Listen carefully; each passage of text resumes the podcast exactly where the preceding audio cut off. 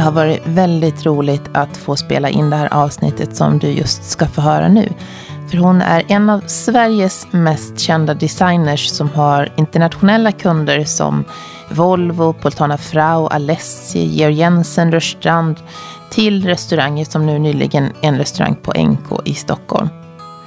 I det här avsnittet så pratar vi om allt från hennes formgivning till uppväxten i Lappland och om modet som hon har att våga gå sin egen väg. Välkommen till inredningspodden Monica Förster. Tack så jättemycket, kul att vara här. Ja, en av mina drömgäster. Ja, det var roligt att höra. Tack. Ja, du har ju en kundlista som är helt gigantisk. När jag satte mig in i, i hela din mm. karriär, eller vad man ska säga, så, så, är det ju en kundlista från Volvo. Det måste vi prata om vad du gjorde med dem. Poltrana Frau, Alessi, Georg Jensen, Rörstrand. Och nu är du aktuell med en restaurang på NK. Ja, det stämmer. Det är ju, det är ju ja, det är helt fascinerande att, att läsa på. Och mm. sen så är vi också där vi sitter i din studio omgivna av det här måste ju vara ett, det, du har ju ett eget prisrum. För du har ju tagit emot enormt många priser för din formgivning. Ja, det, det där lät ju ganska kul. Men faktum är att jag jobbar eh, inom en bransch, eller, eller rättare sagt inom en, en, ett segment av vår bransch som eh, gräns som inte alltid är så kommersiellt. Vilket gör att man, eh, du befinner dig i en lokal som inte är så stor. Och då kan man inte ha ett eget prisrum utan då får man ha en kombination av kök, prisrum och konferensrum. Mm. Men det är, det är många priser, måste vi ändå säga, för, inte, för er som inte, som inte ser det här rummet. Och du har ju nyss i alla fall kunnat sätta upp ännu ett pris. För du har mottagit ett pris för stolen Sanat. Ja, inte Sanat utan Sana. Sana, förlåt. Ja. För Sanat. Det är ja. lite så här äh, förvirrande där. Men, men äh, den är döpt efter en flod i Bosnien.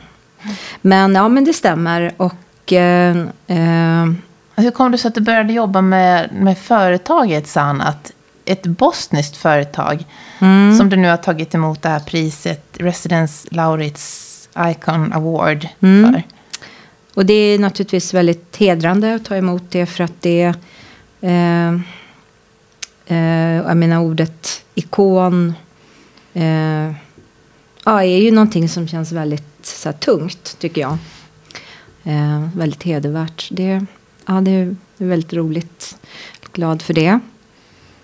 Eh, och eh, jag började, eh, jag blev tillfrågad att Eh, Eh, för ungefär sex år sedan nu att jobba med, eh, med det här företaget. Och då under den här, jag hade jobbat eh, under en väldigt lång tid då med, eh, ja, med flera företag över hela världen men också väldigt mycket i Italien. Och jag hade väl börjat känna och se också, såg på marknaden och såg att den började förändra sig, att saker och ting började luckras upp. Och att de italienska företagen som jag en gång hade börjat med, in, jobba med inte var riktigt lika dominerande längre. Utan att det började komma andra företag som, som kändes minst lika intressanta. Och, och jag kände väl kanske också ett behov av att börja jobba på ett, eller utöka mitt sätt att jobba. Inte bara jobba, jag har jobbat väldigt mycket high-end sådär med, med många uppdragsgivare. Och jag kände att, finns, att det fanns andra delar av marknaden och fältet kan man säga att utforska. Så när den här eh, frågan kom ifrån eh, det här företaget som då hette Ruktovirne. För att jag var nämligen med och, och ja, döpte och ja, tittade på logga då som, som Sandra Praun eh, eh, från Design Studio S eh, sen gjorde. Men, men, men alltså, Alltså, företaget i sin nuvarande form har jag ju varit med och, och, skapat kan man säga och jobbar också som kreativ chef för. Så att det, det, de frågade mig i alla fall för sex år sedan Ehm, och eh, eh, berättade om företaget som ehm, då låg i Bosnien och där ägaren då eh, jobbade för Världsbanken och befann sig i Tel Aviv. Och hans bror tog hand, utbildad arkitekt, tog hand om um, fabriken och de var då 15 personer.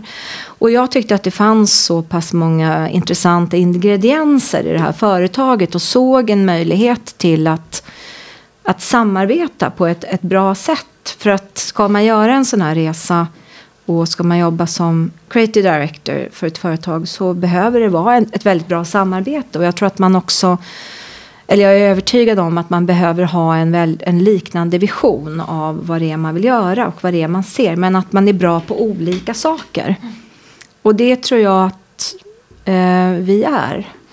Och, eh, och det är därför som saker och ting har gått framåt på ett väldigt bra, bra sätt. Mm. Också. Och det är ju ändå lite udda att hoppa på, eh, att hoppa på ett sånt omfattande samarbete i Bosnien. Mm. Nej, men, eh, jo men exakt, det är en ganska stor risk också. Därför att det här var ändå ett företag som inte egentligen hade de hade ställt ut någon gång i Köln tidigare. Men, men inte gjort så, så mycket mer. Utan de var mest aktiva i Bosnien och sådär. Men väldigt duktiga på det de gjorde och sådär. Men, men det finns det ju många företag som är.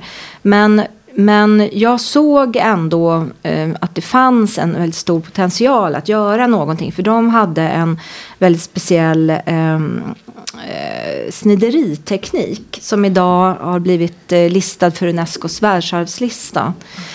Och, eh, och är det såg... den vi ser här ja, framför oss? Som jag håller i en mm. liten skål i mina händer nu. Ja, du kan ju känna så att det är väldigt så taktil. Och det är väldigt, väldigt fint gjort. Allting. Och allt görs ju för hand. Och det, jag tycker också att den biten känns väldigt intressant med företaget. Därför att i en ålder när saker och ting eh, eller en tid när saker och ting blir mer och mer digitaliserat. Så känns det också väldigt intressant att utforska vägar som går emot det. För att jag tror att det finns ett behov av, av det också. Det mera taktila, någonting som går mera in i hjärtat. Som, som eh, ja, når, når ut på ett annat sätt. Mm. Eh, och det som eh, i alla fall, så att vi, eh, jag, jag eh, eh, sa ja till den här förfrågan och, och sen har vi nu tillsammans ja, skapat vision och strategi för företaget under de här sex åren. Och Eh, i själva affärsplanen för företaget så ligger det ju att hela företaget ska vara sustainable och jobba på det sättet. Så allt ifrån det trät som eh, de använder sig av till hur saker och ting transporteras och så vidare eh, ska vara det. När jag ser de här föremålen som, som, som, som du designat för det här bosniska företaget så mm. tänker man ju på din uppväxt. Mm. Du är uppväxt i Dorotea i Lappland. Mm. Ja, vi pratade ju om det innan. Att ja. jag precis kommer ner från att ha flyttat min mamma. Ja. Och då åker man först i nio timmar med bil. Eh, för att sen ja, komma till Dorotea och Avaträsk där hon bor. Ja, mitt i, mitt i eh, Ja, det är Lappland, Lappland eh, glesbygd helt enkelt. Där mm. jag har vuxit upp. Var det mycket just det här vi ser som jag håller i min hand, hantverk? Var det, är det någonting som du... Ja, alltså det var det väl. Alltså det finns ju otroligt fint hantverk där uppe som, som eh, också grundar sig i, i samiskt hantverk och sådär. Och, och eh, Eh, så, så att det finns absolut eh, eh, delar av det. Men jag tror att det som lockade mig, och det finns ju någon slags koppling till, till hur jag har vuxit upp med, med Sanat. Därför att att växa upp i en sån litet samhälle som Dorotea är. Man ser ju också verkligen det, den här sidan med att det, här, att det finns jobb och skapa jobb, vikten av att skapa jobb och så. Också hur viktigt, alltså vad, någonting, alltså hur Ehm, alltså vilken stor förändring det kan bli om, om man skapar jobb och sen vad som händer om saker och ting läggs ner. Alltså företag läggs ner, fabriker läggs ner, vad händer då? Eh, och det, den biten kände, jag tror också den biten gjorde också att jag väldigt gärna ville jobba med Sanat. Därför att där jobbar ju vi med, alltså den stora delen av det vi gör med företaget är ju att vi jobbar med socio-economic development i ett land då, hela Bosnien kan man säga, eh, och en region som har haft över 26 procents arbetslöshet.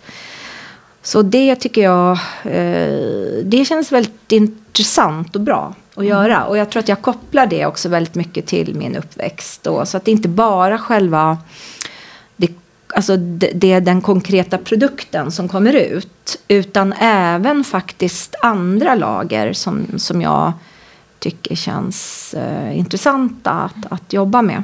När du var uppe i Dorotea nu och har varit där eh, mycket. Kan du se att det finns potential att skapa något liknande i Lappland? Ja, alltså kanske inte om vi säger så här, inte liknande i form av eh, uttryck. För jag tror att de, Sanat har ju ett väldigt unikt uttryck och det är ju baserat på den här Unesco listade själva, eh, alltså den här tekniken som då har blivit Unesco-listad som finns i den här regionen så att säga som de. Men, men det arbetet som Sanat, eller vi har gjort med Sanat har ju, var ju den, en ganska starkt bidragande orsak till att det blev listat också.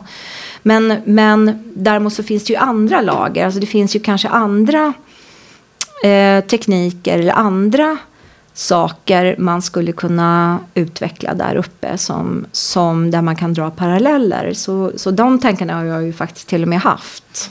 Att, eh, eh, och eh, det jag tänker på det varje gång jag åker upp dit att det är ganska det är ett ganska unikt ställe. Det finns ingen så light pollution. Alltså det, hela den här naturupplevelsen är ju mer lyx tror jag än ja, det går inte riktigt att jämföra med någon av de, alltså, eh, de här lyxföretagen som vi jobbar med. Alltså att det vad är det som är lyx idag? Är det liksom att göra ett mera läder mer vintage eller är det att uh, ha väldigt ren luft och uppleva total tystnad och det kanske är mer lyx mm. idag. Men sen du växte upp i Dorotea och sen så gick du på Beckmans och Konstfack. Mm. Hur, eh, hur kom... Det är en lång resa. Mm. Hur började du intressera dig för form och design? Det måste mm. ha varit lite udda där uppe. Jag är själv uppväxt mm. i en liten by. Det var inte kanske det som var så vanligt. I alla fall där jag växte upp då. Nej, precis. Nej, men jag var nog ganska udda där uppe, tror jag. Um, så att det av många olika anledningar. Men um, uh, jag tror att min pappa var den första invandraren i, i Dorotea. Men å andra sidan så var han ju gift då med min mamma som hade jag tror hon är totalt elva syskon i den familjen. Så jag har väldigt många, hon kommer där uppifrån. Från en ännu mindre by. Ännu längre upp i fjället. så att jag är släkt med ganska många i Dorotea. Eh, men eh, nej, men så att, att den uppväxten var ganska speciell och ehm, eh, nu har jag glömt bort vad du frågade. Om. Nej, just själva resan och ja. hur intresset började. Hur det började, just det. Men grejen är att min, min pappa då, eh, jag är född här i Stockholm och min pappa jobbade, eh, kom till Sverige när han var 17 år tror jag. Och då eh, och då var det en slags arbetskraftsinvandring som man hade på den tiden. Och han var utbildad så här, eh, konditor, alltså med så här. Eh, och, eh, så att han fick först anställning tror jag på Grand Hotel i deras konditori, eh, patisserie. Och sen så därifrån så blev han eh, rekryterad till eh, Operakällaren när de öppnade och det, till deras konditori. Sådär. Så att han har en sån bakgrund, alltså, då pratar vi så här fin eh, konditori, alltså med att han gjorde eh, väldigt mycket, alltså nästan som konstverk fast med bakelser. Oh. Så, så. Så att, och, det, och sen då, han, de hade väl någon slags dröm om att öppna eget då. Så att, och när det blev aktuellt eh, för dem. Då valde de mellan att antingen flytta till Kenya eh, till ett hotell där som de då skulle ta över. Eller att flytta till Dorotea. Vilken enorm skillnad. Ja, på väldigt många olika sätt. Och sen var det så att de fick inte det här. De blev tvåa då eh, i Kenya. Och, då så, och vi åkte faktiskt ner dit och tittade och kände efter hur det skulle vara att bo där. Och så där. Nej, men de blev tvåa och då, och då valde de det här med Dorotea då. Och, eh, och det blev, tror jag, väldigt bra för dem. Jag tror att de verkligen trivdes där uppe och kunde utveckla sin, eh, göra sin grej där. Och och, så att jag är uppväxt i den miljön med eh, någonting som är väldigt lokalt men i en ganska så experimentell miljö och väldigt konstnärlig miljö. Eh, och samtidigt som han eller då som, där man också har med sig en, en, ja, en väldigt hög, alltså en, en hög nivå från de ställen kanske som man har jobbat på tidigare och så. Så, eh, och vi bodde på hotellet de första åren också. Så att jag levde ju mitt i det här. Och satt och läste läxorna i personalmatsalen. Och, och mitt, eh, mitt rum var eh, 201. Jaha. Rum 201. Och min mamma och pappa bodde i 202. Så, så, så bodde vi ganska länge tills vi då, eller tills de tyckte att ja, men det kanske är bra ändå att ha ett eget hus. Så då blev det det. Det är inte alla som har växt upp i ett eget hotellrum. Nej, det, det var ju den, det, det är ju det man, jag känner till. Ja. Sådär, hur det var. Ja, nej men och, och jag tror att de, eh, det, det på något sätt så, det var ganska kul nu tycker jag när jag var där uppe och flyttade då min mammas skogshemman som väldigt stort till en liten lägenhet på 62,5 kvadrat och vi fick hjälp av Dorotea idrottsförening. och det, de var helt fantastiska och ingenting var något problem. Och, och ah, vi flyttade i minus 18 grader eh, under tre dagars tid med alla de här fantastiska människorna. Och då på något sätt så slängdes jag tillbaka hur det var med att växa upp där och höra också så här min pappa så där med saker som att ingenting är något problem. Och så att jag kommer ihåg sådana saker som att när de, eh, det är ju ganska långt upp, det tar lång, ta, lång tid för att, menar så alltså, här, om man ska köra upp, tar många timmar. Och det gällde ju även så här, leveranser och så till hotellet. Så att ibland så kommer jag ihåg så kunde det vara så här att till exempel sallad och grönsaker som kom upp var ganska dåligt.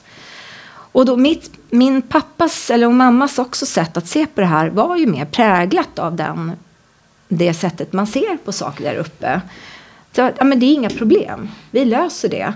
Så att de gick ut i skogen, de plockade mer så här, alltså tittade på så här ängsyra istället för sallad. Alltså de, de löste saker på det sättet. Så att, och det här gjorde ju att det blev ganska intressant experimentell matlagning där. Att de mm. provade och, och hur tillagar man lav?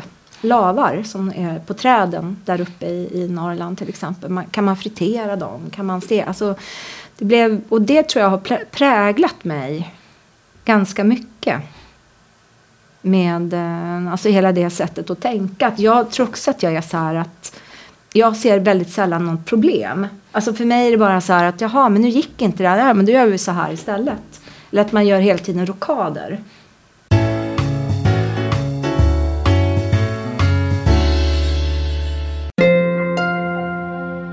Gå gärna in och prenumerera på Inredningspodden med Johanna Hulander så får du en notis när nästa avsnitt släpps.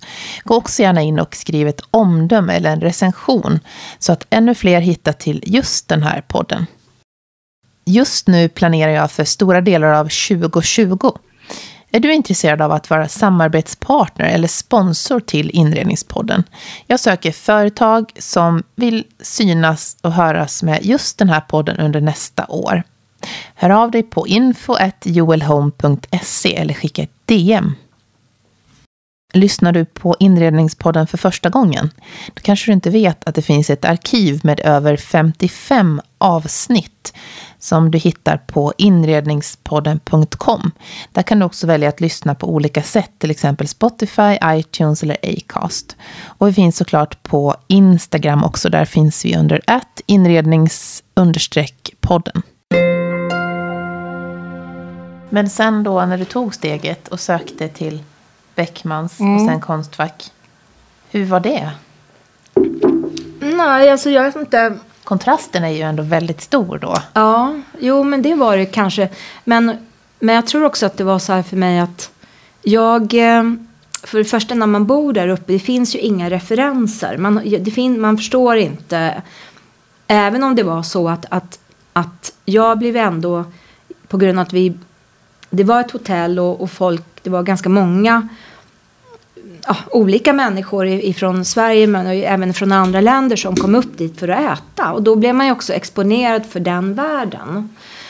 Eh, så, så var det ändå ganska, ett ganska stort steg till att ehm, eh, förstå att det fanns ett yrke som heter designer. Så det tog mig ganska lång tid att eh, förstå att ja, men det är det här jag vill göra. Så, ehm, eh, så att jag, eh, jag, när jag sökte in till Beckmans, jag gick eh, som det heter då reklam på Beckmans. Och, men jag gjorde ingen reklam under tre års tid utan jag hade väldigt, eh, väldigt, väldigt snälla lärare som eh, lät mig, för jag tror att de såg, det var inte så att jag låg hemma och sov utan jag gjorde, jag var ganska ambitiös, jag gjorde väldigt mycket saker. Men jag upplevde att de faktiskt lät mig, släppte mig fri och lät mig på ett sätt forma min egen utbildning. Så att jag var flera gånger nere hos Ann Wåhlström och praktiserade på Kosta Boda, Horrefors. Jag jobbade med Barbro Grandelius, gjorde emalj. Alltså jag, jag testade massa saker och gjorde väl i princip ingen reklamuppgift. Och sen då så eh, så, men jag, jag, tror ändå att de såg mig för jag fick faktiskt något stipendium sen när jag gick ut. Vilket jag är väldigt glad över för att det var ju lite panikartat att gå ut reklam och känna så här, titta på sin egen mapp och bara jag hade en självlysande toalettsits, jag hade lite så här emaljtester och några så här smycken och någon vas som jag hade gjort i glas och lite andra saker. Men det var ju inte så mycket så jag kunde inte gå till en reklambyrå Eh, och få jobb där. Det, det, det, förstod jag med min portfolio. Och det kan ju vara lite panikartat för man bara, men hur ska jag försörja mig? Men i alla fall så att jag kände väl så här att jag kan inte, jag måste lära mig mer saker för att kunna känna mig mer trygg i mig själv och kunna så här hantera den här situationen. Så att jag sökte faktiskt in till Konstfack och kom in som specialelev via färg och formfacket då. Mm -hmm. Och fick eh, eh, faktiskt kunde plocka kurser. Så att jag, jag plockade ihop olika grejer som, eh, ja, men, så här, som hade verkligen med så här att lära sig hantverket, alltså inte det här hantverket utan hantverket att vara. Vad behöver man för att vara formgivare? Jo, man måste kunna göra tekniska ritningar, man måste kunna förstå perspektiv. Alltså man måste, så att jag tog med sådana kurser. Praktiska? Praktiska mm. saker. Så att, och det var ju fantastiskt bra. Så att någonstans så känner jag så att det den kombinationen av att gå på Beckmans för mig, där, som också var en väldigt idé och konceptbaserad skola, i kombination med Konstfack har ju varit eh, väldigt lyckat för mig. Mm. Att ha möjligheten att göra det. känner jag mig väldigt glad över. Vad är det som, när du tittar tillbaks till det du har skapat, mm. vad är det du känner att det här är jag mest stolt över? Att det, det här projektet eller det här ja, mm. vad det nu är som du har, sen du gick ut skolan.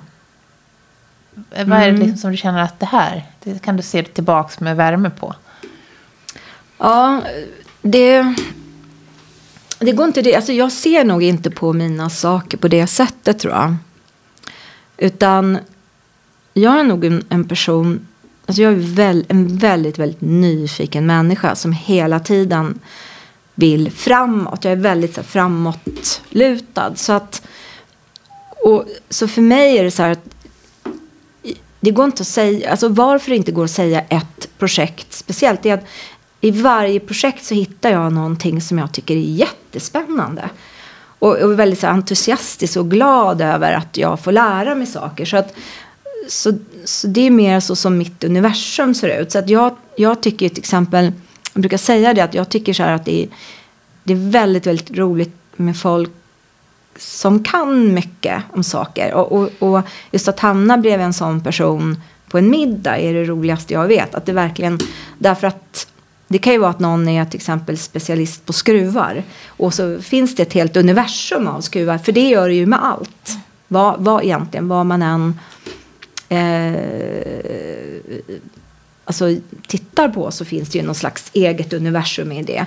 Och sen att få ta del av det väldigt, väldigt roligt. Och så tycker jag att mitt jobb är för mig också. Att, eh, på olika sätt. Och då blir det såklart allt från var det grävskopor som du hade? Nej, men alltså, nej. Eh, gräv, alltså, jag har ju fått lära mig att en grävskopa, det är ju själva skopan på grävmaskinen. Ja, såklart. Just. Så det här är själva Det här passit. är själva, ja. Så här är det att um, en, eh, en, um, den personen som då var design, uh, jag vet inte om hon var designchef för Volvo Construction Equipment eller om hon var en en, en del, eller om det var en del av det. Men hon frågade mig om jag ville rita en grävmaskinstol till en konceptgrävmaskin. Så det är det som jag har gjort. Och det började med att hon frågade mig om jag ville komma eh, till Volvo Construction Equipment och prata om min designprocess. Eh, och eh, visa lite grann hur vi jobbar här och, eh, och sådär. Och, och för att ja, förflytta gränser och sådär lite grann. Och sen efter det så frågade hon mig om jag ville vara med i, i det här eh, projektet. Och det var, ja, det var väldigt kul faktiskt. Det är roligt att eh, det är roligt att, att kliva in i andra världar och, och, och ja, pröva på olika saker helt enkelt.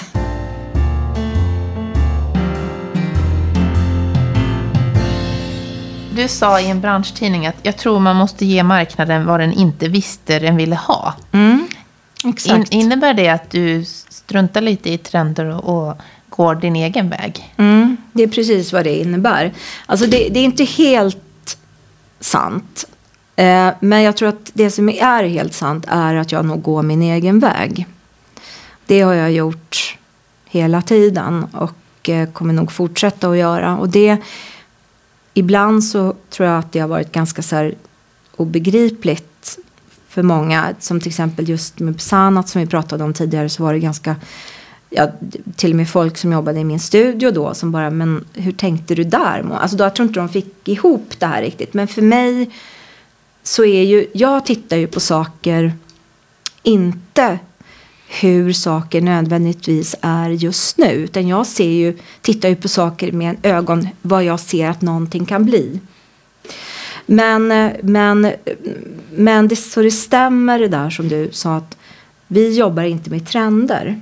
Men eh, att inte jobba med trender innebär inte att man inte är medveten om trender. Jag tror att jag är väldigt, väldigt medveten om trender. Jag tror till och med att vi ibland kanske har startat trender. Fastän det inte har varit utgångspunkten för vårt arbete. Men eh, att, att vara medveten om trender kan också innebära att göra tvärtom. Mm. Faktiskt. Mm.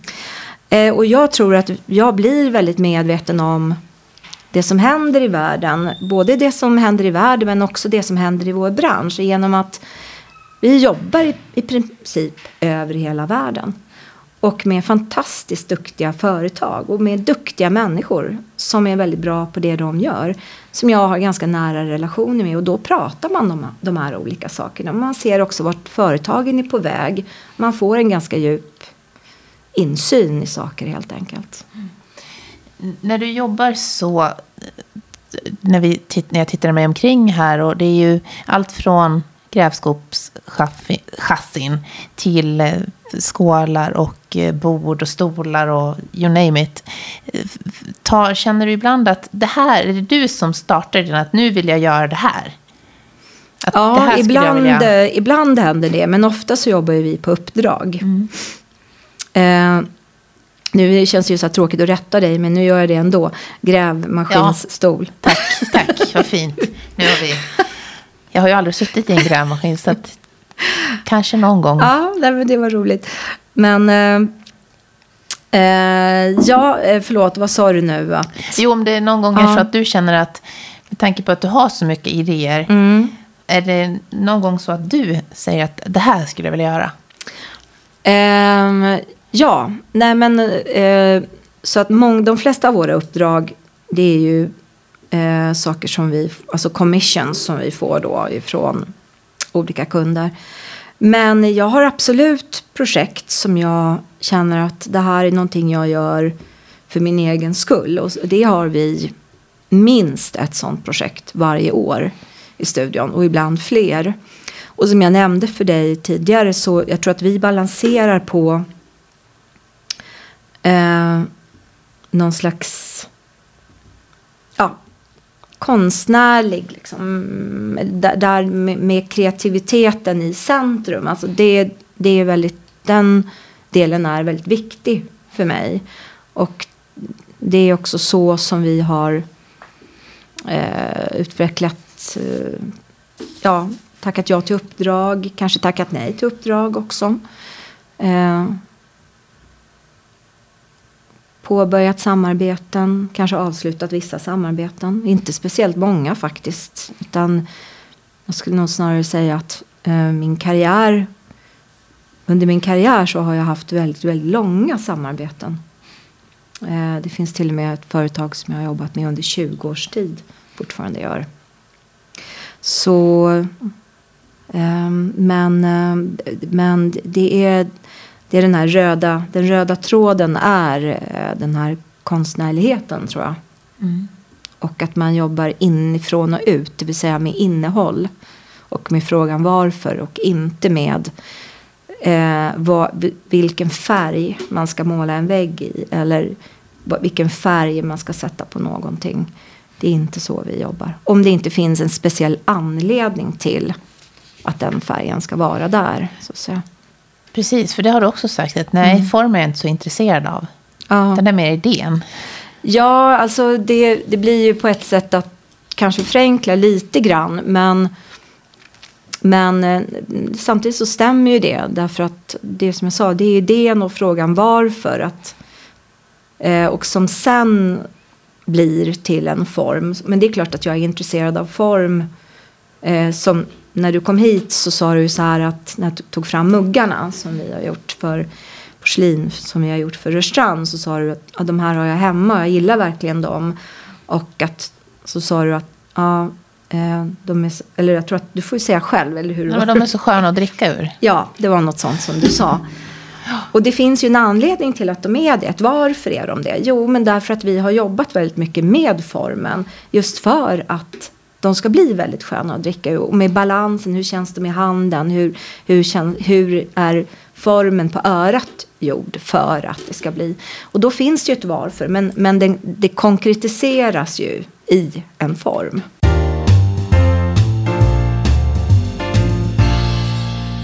Vi sågs ju på Möbeldesignmuseet för några veckor sedan då de hade ett seminarium om mm. att det är många kvinnor som går på formgivarutbildningar. Och framförallt eh, möbelformgivare. Mm. Men sen när man kommer ut i yrkeslivet så är det endast ett fåtal verksamma kvinnor. Ja. Vad är anledningen till det tror du? Jag tror att det finns ganska många olika anledningar. Så jag, tror att det, det, är svårt att peka bara på en enda sak. Men eh, jag tror att vi eh, eh, behöver bli bättre på att hjälpa varandra. Och, och eh, tänka att man kan göra saker ihop med andra. Eh, eh jag försöker göra det. Jag har till exempel precis gjort en restaurang på NK tillsammans med Sara Helder som jobbar på Vingårds arkitekter. Och det var jag som frågade henne om hon ville samarbeta. Eh, med mig där. Och det, jag försöker eh, göra sådana samarbeten. Jag tycker det är roligt faktiskt. Eh, och berikande. Eh, inte alltid bättre ekonomiskt. Men, men eh, samtidigt så eh, kan det ge väldigt mycket andra saker som, som kanske är, eh, långsiktigt är bättre.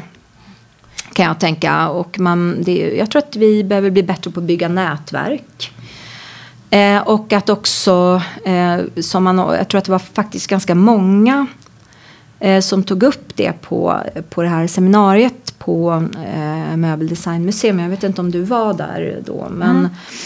det här med att hur ser branschen ut mm. också. Mm. Och att eh, eh, företagen kanske också måste eh, ha en, en, en inställning att man också vill. Hur man, hur man behöver. Man kanske måste öppna upp för eh, lite fler kvinnor helt enkelt.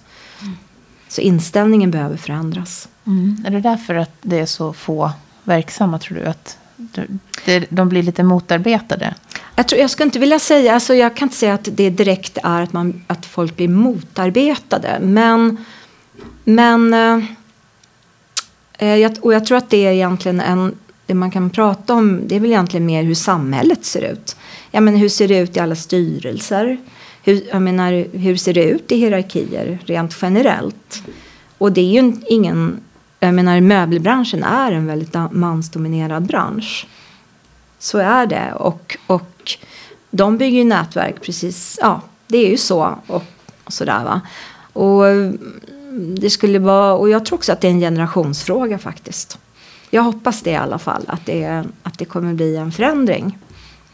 För den mm. kvinna som är nyutexad som möbelformgivare som är precis i början av sin karriär. Finns det mm. några råd som du skulle vilja ge till, till den personen? Um, Ja, det, den där frågan brukar ju komma ibland och jag brukar alltid svara att eh, det bästa rådet är ju egentligen inte lyssna på några råd. Utan att eh, lyssna på sig själv och gå sin egen väg. Och eh, sen får man jobba rätt hårt också. Alltså man, det, är, det är inte så mycket som kommer gratis kanske. Utan att man behöver nog vara beredd på att, att lägga in en del tid. Men eh, men, ja, men just det där med att, att och absolut inte lyssna på om någon säger att det, någonting inte går att göra. Mm. Och sen nätverken som du sa, att jobba ihop måste ju vara att ja, men varandra. Att stötta varandra mm. och inte se varandra som konkurrenter utan tänka hur kan vi bygga saker där vi istället kan hjälpa varandra, ge varandra jobb. Eh, man kan, och jag tror att den här förändringen, om det ska bli någon förändring, måste komma inifrån. Att det går inte att, att, att säga att så här, de här har gjort det här och det här. Eller, utan att det, man behöver, det behöver bli en, en rörelse, eller man ska säga, som kommer inifrån. Och den måste komma ifrån eh, kollegor. Ja. och det måste vara många som vill och inte bara några. Mm. Mm. Förlåt, du har ju drivit eget under ett antal år. Mm. Eh, är det några tips? Som eller hur, hur kan du sammanfatta dina egna år som egen? Mm. Ja, det blir svårt. På så här kort tid. Det kan jag inte. Det får bli en bok. Det får bli en bok, ja. ja eller en utställning. Eller en utställning.